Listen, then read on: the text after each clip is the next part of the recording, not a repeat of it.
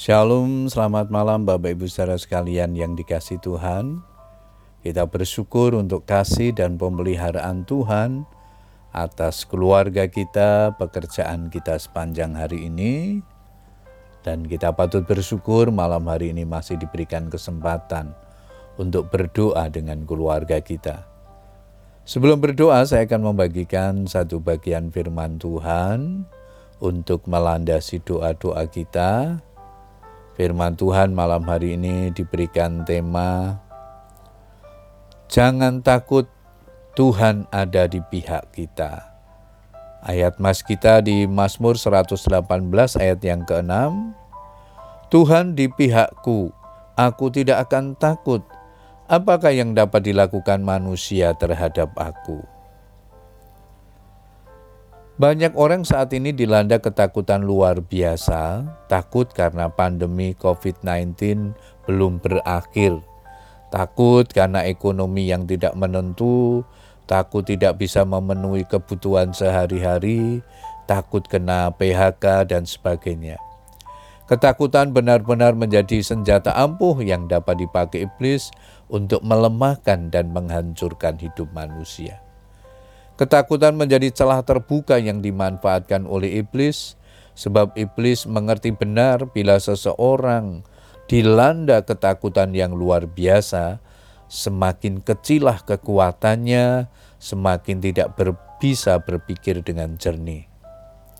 Suatu ketika Yosafat mendapat kabar suatu laskar yang besar datang dari seberang laut asin, dari Edom, menyerang tuanku. Sekarang mereka di Haseson Tamar yaitu NGD. Dua Tawarih 20 ayat yang kedua. Bani Moab dan Bani Amon berperang melawan Yehuda bersama-sama dengan sepasukan orang Meunim. Yosafat yang saat itu sebagai pemimpin bangsa Yehuda menjadi sangat takut. Padahal takut kepada orang mendatangkan jerat tetapi siapa percaya kepada Tuhan dilindungi.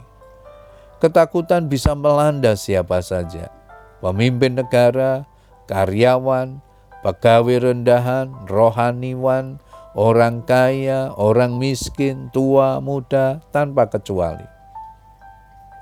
Namun demikian, Yosafat sebagai pemimpin Yehuda dalam ketakutannya dia mengambil keputusan untuk mencari Tuhan.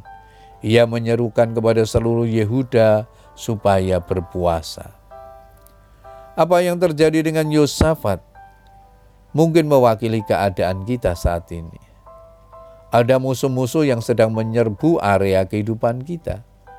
Kita bisa belajar dari sikap dan tindakan Yosafat saat ketakutan melanda, yaitu mengambil keputusan untuk mencari Tuhan dan menyerukan kepada seluruh bangsanya untuk berpuasa. Dalam ketakutannya ini Yusafat datang ke alamat yang tepat, yaitu datang kepada Tuhan, memohon pertolongan dan menyerahkan semua permasalahannya kepada Tuhan. Seruan untuk berpuasa artinya mereka datang kepada Tuhan dengan sungguh-sungguh. Karena mata Tuhan menjelajah seluruh bumi untuk melimpahkan kekuatannya kepada mereka yang bersungguh-sungguh hati terhadap dia. 2 Tawarih 16 ayat yang ke-9. Hanya Tuhanlah satu-satunya sumber segala jawaban atas permasalahan hidup kita. Jika kita hidup benar, maka kita tidak perlu takut, sebab Tuhan selalu ada di pihak orang yang benar.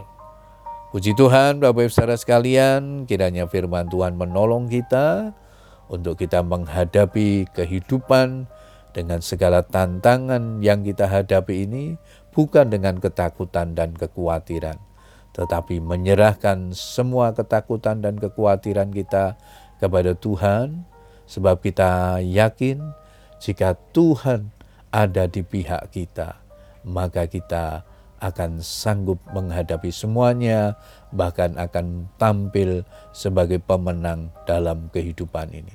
Selamat berdoa dengan keluarga kita, tetap semangat. Tuhan Yesus memberkati kita semua. Amin.